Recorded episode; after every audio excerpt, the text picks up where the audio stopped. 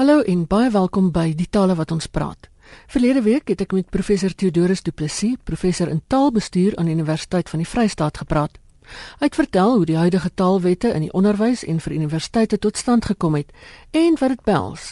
Hy het onder meer gesê een van die redes waarom Afrikaans toenemend op skool en universiteitsvlak onder druk kom, is omdat afsprake wat gemaak is nie nagekom word nie. Ons sit vandag die gesprek voort. Ek het hom gevra of daar waarheid in die persepsie steek dat Engels die aller toegang tot alles verskaf. Een van die nadele van apartheid was dat ons in Suid-Afrika geweldig geïsoleerd geraak het. En uh, ons is nou soos die Amerikaners, jy weet, ons ons dink wat ons doen is internasionaal. As dit solank dit uh weet dit ten minste twee of drie provinsies raak, jy weet, ja. dan ons internasionaal. Dis 'n uh, ongelukkige dilemma uh dat ons ons ons loop regtig met die idee rond dat Engels is 'n verskriklike belangrike taal en dat Engels wêreldwyd gebruik word, jy weet die sogenaamde internasionale taal sindroom, jy weet en ja. en ek hoor al hoe meer uh middelklas Afrikaanstaliges ook so praat dat hulle wragtig nou dink dat dit is nou die aller aller oplossing vir hulle kinders, jy weet. En uh En en dan moet ek maar net sê vir mense ek ek is nou bevoorreg om gereeld te kan reis dat ek nou maar met Engels vreeslik sukkel in die buiteland. Ek was net net 2 weke gelede was ek in Italië by 'n kongres en die taal waarmee ek daar oor die weg kon gekom het, dit was in die ooskus van Italië. Die taal waarmee ek oor die weg kon gekom het was Duits. Daar was nie 'n mens wat met my Engels kon praat nie. Ek, ek uiteraard as ek Italiaans kon gepraat het of Frans, sou ek ook reg gekom het want uh, van my kollegas het het met Frans reg gekom. Ek kon met Duits reg kom. Kan jy dit glo? Dat jy in 'n restaurant in die in die ooskus van Italië in Duits uh kan kos bestel met die kelners Duits praat en so voort. Dit is nogal verstommend. Maar as jy moet wel Engels praat, dan het hulle letterlik weg. So jy weet daai hele en en ek kan baie sulke staaltjies vertel en baie mense kan nog beter staaltjies vertel. Dit dit is 'n absolute 'n ideologiese vooropstelling dat Engels die aller aller taal van die wêreld is. Dit is eenvoudig nie so nie. En dan moet ons nou daarby 'n uh, onmiddellike voetnoot bysit. Die soort van Engels wat ons in in Suid-Afrika kry. Ek noem dit deesdae Tranglish van die transformation English. Dit dis nie Engels waarmee jy in die wêreld kan regkom nie. Ek is baie jammer om dit vir mense te sê. Dit is die ander ding wat my opval. Uh, uh ons ons tel nou al hierdie translies op in ons taal. Jy weet ons begin ook nou al so so praat soos uh die transformasie beheptes praat en dit staan nie meer regtig Engels nie en dan as jy as jy nou regtig in 'n Engelse plek in die buiteland kom, dan verstaan hulle jou in elk geval nie. Want wat wat wat jy praat is nie Engels nie. Jy dink dit is Engels, maar dit is nie meer Engels nie. So die hele die hele bohaai oor Engels is is totaal totaal oor oordrewe. En dit en en ons moet gaan kyk waaroor gaan dit. Dit dit gaan eerder oor ander dinge. Dit gaan oor 'n oor 'n strewe om vooruit te kan gaan en om iewers in die wêreld 'n plek te kry. En mense dink net maar dis die manier maar daar's baie baie ander maniere. En uh om om daar uit te kom. En as jy praat van kom ons word internasionaal dan moet ons onmiddellik onthou, die wêreld funksioneer nie in Engels nie, die wêreld funksioneer meertalig. Dis daai ou spreekwoord wat ons gehad het van wat hoe gaan dit hoe meer uh, ek ken dit nie eens meer nie. sien jy hoe ja. getransformeer dit is ek ken nie eens my eie spreekwoorde nie. Uh maar meertale maak jy ons nou magtig. So internasionalisering bereik jy deur meer tale te ken leer Mandarijn, dan internasionaliseer jy. Spaans. Leer Duits, leer Frans ensovoorts. Want want dis hoe die wêreld funksioneer. Die wêreld funksioneer meertalig. Uh ek ek wil mense uitdaag om om net hulle notaboekies te neem as hulle weer in New York rondstap in Manhattan en net aan te teken hoeveel Engels hulle sien en hoeveel Spaans hulle sien. Wat hulle net bietjie kyk. Hulle sal gou agterkom hulle sien meer Spaans in Manhattan as Engels. So ek ek noem dit nou maar dit uh, hou rekening daarmee dat Suid-Afrika is 'n nie eiland nie en ons dink dalk dat dit so belangrik is, maar dit is nie. En en die moeilikheid is omdat ons met so 'n 'n verswakte vorm van Engels werk, uh benadeel dit mense intellektueel en dit benadeel mense ook vir hulle verdere lewe en dit vereng hulle lewe. Ehm uh, en daarmee verstaan my mooi, sê ek nie die fout lê by Engels nie. Ons weet Engels het 'n fantastiese literatuur. Uh, baie dinge gebeur in Engels. Nee, dit gaan nie daaroor nie. Dit gaan oor die oor wat ons met Engels in die land doen. En uh en die die die middelmatigheid wat ons daarmee bereik.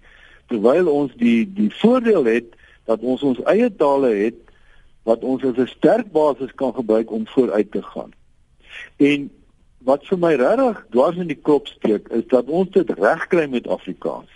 Dis 'n dinamiese taal. Uh as jy kyk wat gebeur in die filmwêreld, in die in die boeke wêreld, in die kunste wêreld, hoe ons mense internasionaal presteer, daar het die die antwoord nou uh, hierdie hierdie uh ek weet nie wat mense goed noem nie, maar uh klink my hulle het die antwoord, maar daar was die antwoord nou in België by 'n groot fees een van die grootste treffers uh gewees. So so ons presteer in Afrikaans en wat my dwars in die kop steek is dat ons eie regering wil nie hê ons moet presteer in Afrikaans nie. En probeer alles in hulle vermoë doen om Afrikaanse skole aan bande te lê, om Afrikaanse mense op elke enkele terrein aan bande te lê. En dan val ons daarvoor want ons glo hierdie ding van Engels is als. So uh kom agter ek raak emosioneel. So uh dit is maar my antwoord op jou vraag. Engels is nie alles nie. In Nederland het hulle nou pas 'n manifest vir Nederlands bekend wel daarmee begin. Ja.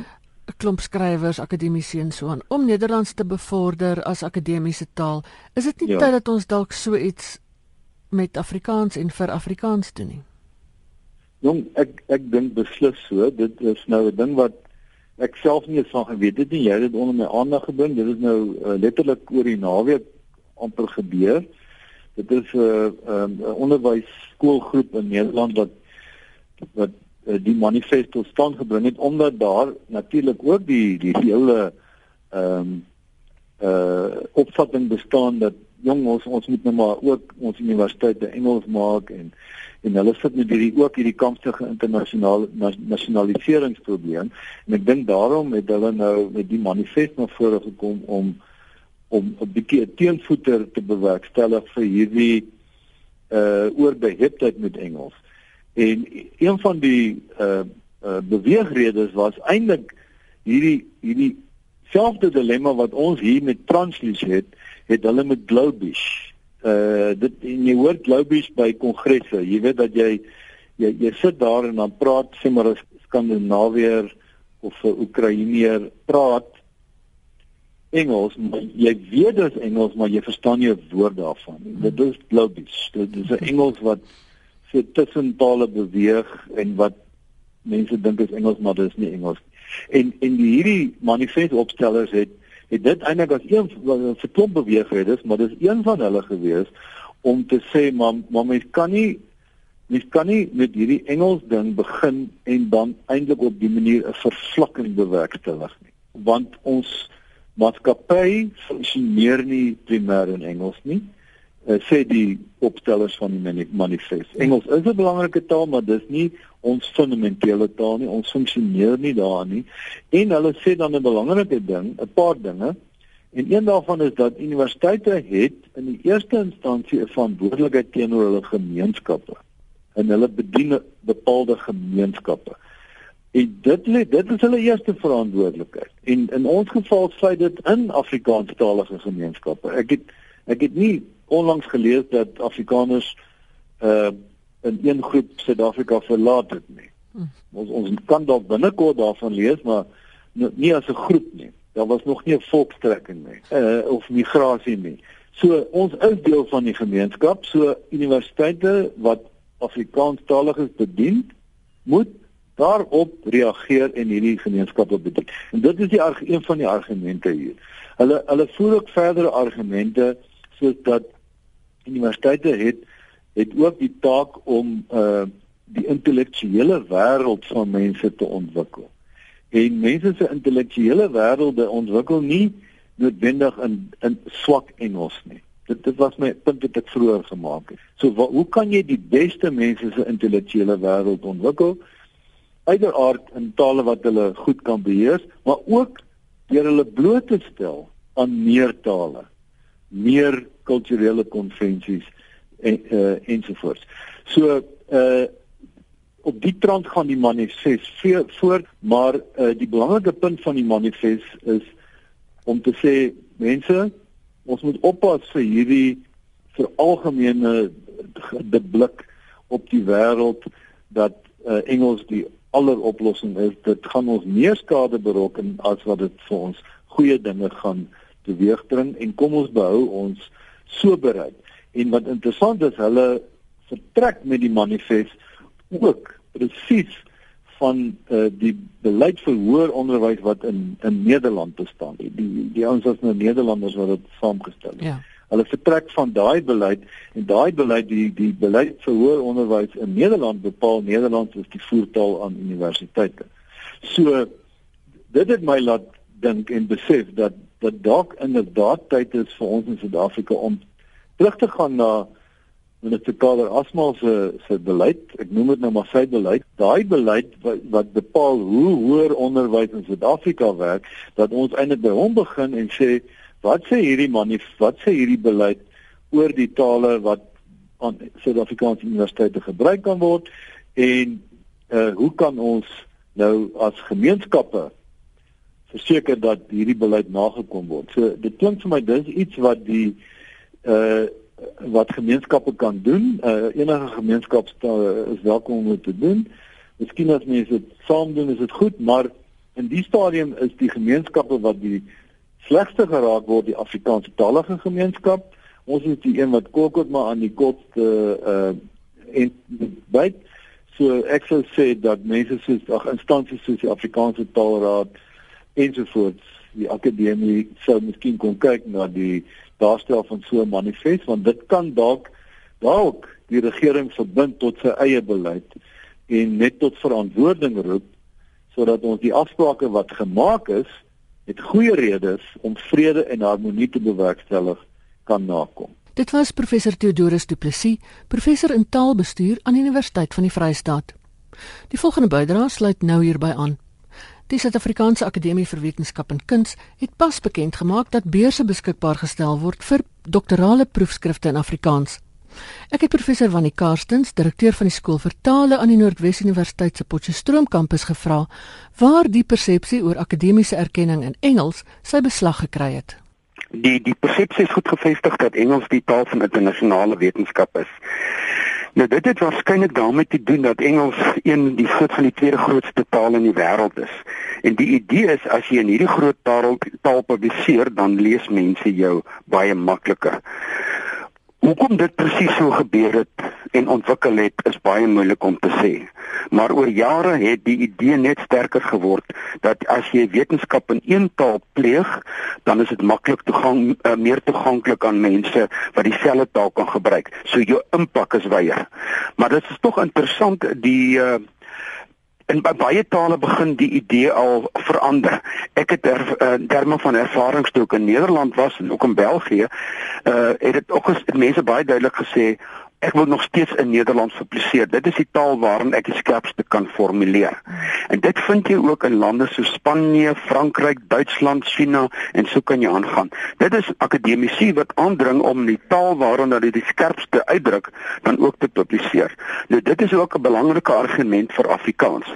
Jy is in staat om fyn oor die wetenskap te besluit en te besin as jy jou op die beste kan uitdruk. Nou baie van ons is nie in staat om ons op ons beste uit te druk in Engels of 'n derde of 'n vierde taal nie. En die gevolg is wat ons nou kry dat ons die nasionale taal van Suid-Afrika in die wetenskappe gaan gebruik en dit is swak Engels. So dit is nogal 'n tragedie. So enige poging wat baie graag sou wou hê dat uh dat dat moedertaal voorkeur gebruik moet word in wetenskap verdien behoorlike steun. Ek kyk hier by ons universiteit skryf studente heel dikwels uh, wat Afrikaans sprekende studente skryf hulle 'n M of 'n D in in Engels. En dan en dan is die veronderstelling gewoonlik as ek as ek dit doen in Engels gaan mense my wyd lees. Maar weet julle die tragiese werklikheid hierna is dat 'n D selle deur meer as 10 mense gelees word. En dit sluit in die drie eksaminatore en miskien een of twee studente. So jy gaan deur al hierdie ongelooflike moeite om jouself in Engels uit te druk terwyl jy en, en, en terwyl jy nou dink almal gaan dit lees en dit is gewoon nie die werklikheid nie. Ons argument is gewoonlik skryf dan eerder dit jou val jou verhandeling of jou proefskrif in Afrikaans en as jy dan 'n artikel wil publiseer, doen dit in Engels. Want as jy jou verhandeling of jou proefskrif in Afrikaans skryf, help jy om vakterminologie vir die taal te skep. Op hierdie wyse word die wetenskap in Afrikaans bevorder. En as ons dit nie doen nie, dan begin hierdie funksie van Afrikaans beduidend afskaal. So enige poging wat 'n doel het om mense aan te moedig om hulle moedertaal 'n proefskrif of 'n verhandeling te skryf, verdien ons almal steun. Die die ehm um, akademiese toekenning -hmm. motiveer nou studente om die studie in Afrikaans te doen. Hoe ja. hoe motiveer ons die ander tale in ons land om soortgelyke maatreëls in te stel? You know, jy weet, jy het nou die vinger op die pols gedruk van een van die grootste hartseer verhale in die geskiedenis van Suid-Afrika sedert 94. Want destyds het ons die droom gehad en die ideaal gehad, soos die grondwet gesê het, dat ons 11 amptelike tale het. Die implikasie was dis Afrikaans en Engels sou hulle status behou, daar sou niks daaraan geraak word wat intussen die werklikheid dat Afrikaanse status beduidend geraak maar die verdere verwagting was dat al die Afrika tale in status opgeskerp sou word en ook die funksies van wetenskapstale sou aanneem. En die wyse waarop jy 'n wetenskapstaal begin ontwikkel is om dit as 'n taal van onderrig aan te bied. Nie net op skool nie, maar ook op tersiêre onderrig. 21 jaar later is ons nog nie daar nie. Hier en daar het ons 'n uh, in tale waar mense 'n verhandeling of 'n D in Tswana of Zulu en Xhosa skryf. Dit is dit is net is insidenteel.